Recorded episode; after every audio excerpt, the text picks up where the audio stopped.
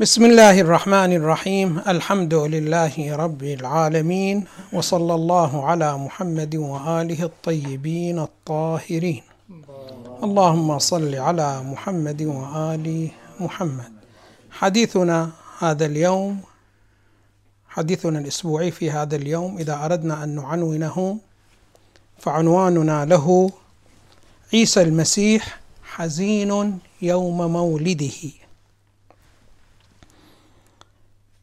بلا إشكال مرت علينا في الأسبوع السابق مناسبة مباركة جدا. وهذه المناسبة مباركة على جميع الإلهيين.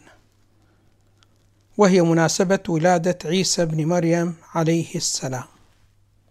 هذا اليوم في الواقع هو يوم ظهور آية إلهية أخرى بولادته.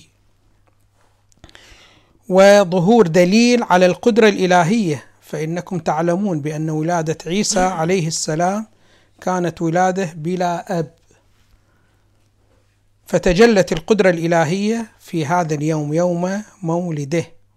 أي تعرفنا على مرتبة أخرى من مراتب القدرة الإلهية. ولا بد من إحياء هذه المناسبة حيث ظهرت فيها هذه الآية الإلهية العظمى.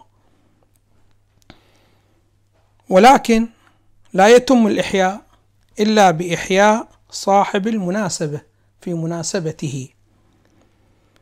وإحياؤه إحياء صاحب المناسبة في هذه المناسبة يتم عبر ترويج الأمور التي جاء بها والتي دعا إليها. ونحن راح شنو ماذا؟ نستعرض رواية من الروايات التي رويت عن عيسى المسيح عليه السلام. لنشاهد بأنه هل أحيينا شخصية عيسى بن المسيح عبر ترويج ما جاء عنه أم لسنا من المحيين؟ للأسف الشديد ومن المفارقات العجيبة جدا أن تجد أتباع المسيح الذين يتسمون بأنه أتباع المسيح وأتباع عيسى بن مريم عليه السلام هم الأبعد عن توجيهات عيسى المسيح. هي من الأمور جدا العجيبة. فمن الأمور التي دعا لها عيسى عليه السلام جانب الزهد في الأمور المادية والتعلق بالمادة. دعا له بنحو جدا عجيب.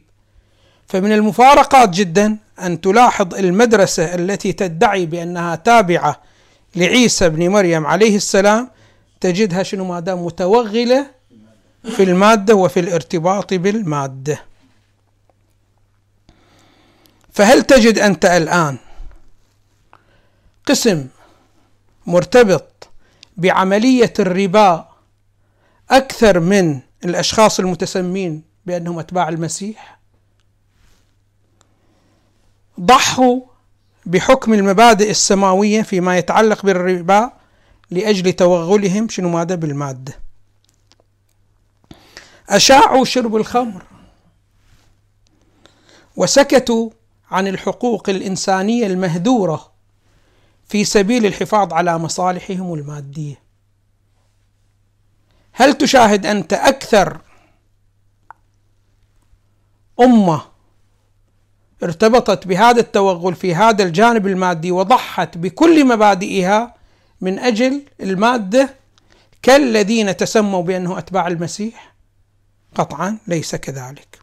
اسمع المسيح ماذا يقول فيما يرتبط شنو ماذا بالمادة. يقول سلام الله عليه. ثلاث خصال مذمومة في المادة. الخصلة الأولى أن المرء قد يكسبه من غير حلة. يكسبه بوسيلة ربوية أو بوسيلة أخرى من الوسائل الأخرى. فالنبي عيسى سلام الله عليه يبين لنا هنا ثلاث سلبيات للمال. السلبية الأولى أنه الإنسان إذا أراد أن يحصل عليه قد يحصل عليه بالطريقة غير المشروعة التي شرعها الله سبحانه وتعالى له أن يحصل المال بها.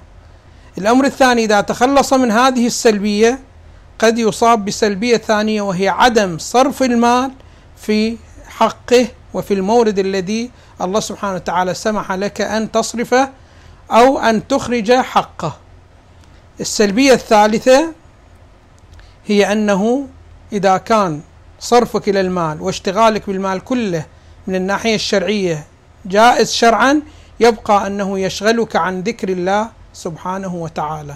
وذكر الله ميزة جدا مهمة. إذا فقدها الإنسان فماذا راح يستفيد من الأشياء التي حصل عليها؟ فمن الأمور المؤسفة جدا أن تجد بعض أتباع المسيح الذي يوصينا هكذا شيء تلاحظهم يغرقون. كميات ضخمة وأطنان جدا كبيرة من مادة القمح في سبيل أن لا ينزل سعرها لا ينزل سعرها على المستوى العالمي. فهل هذا الشخص أحيا مناسبة عيسى المسيح سلام الله عليه. قطعا لا فإن إحياء مناسبة عيسى المسيح إنما تكون بالإهتداء بهديه وامتثال طريقته التي دعا إليها.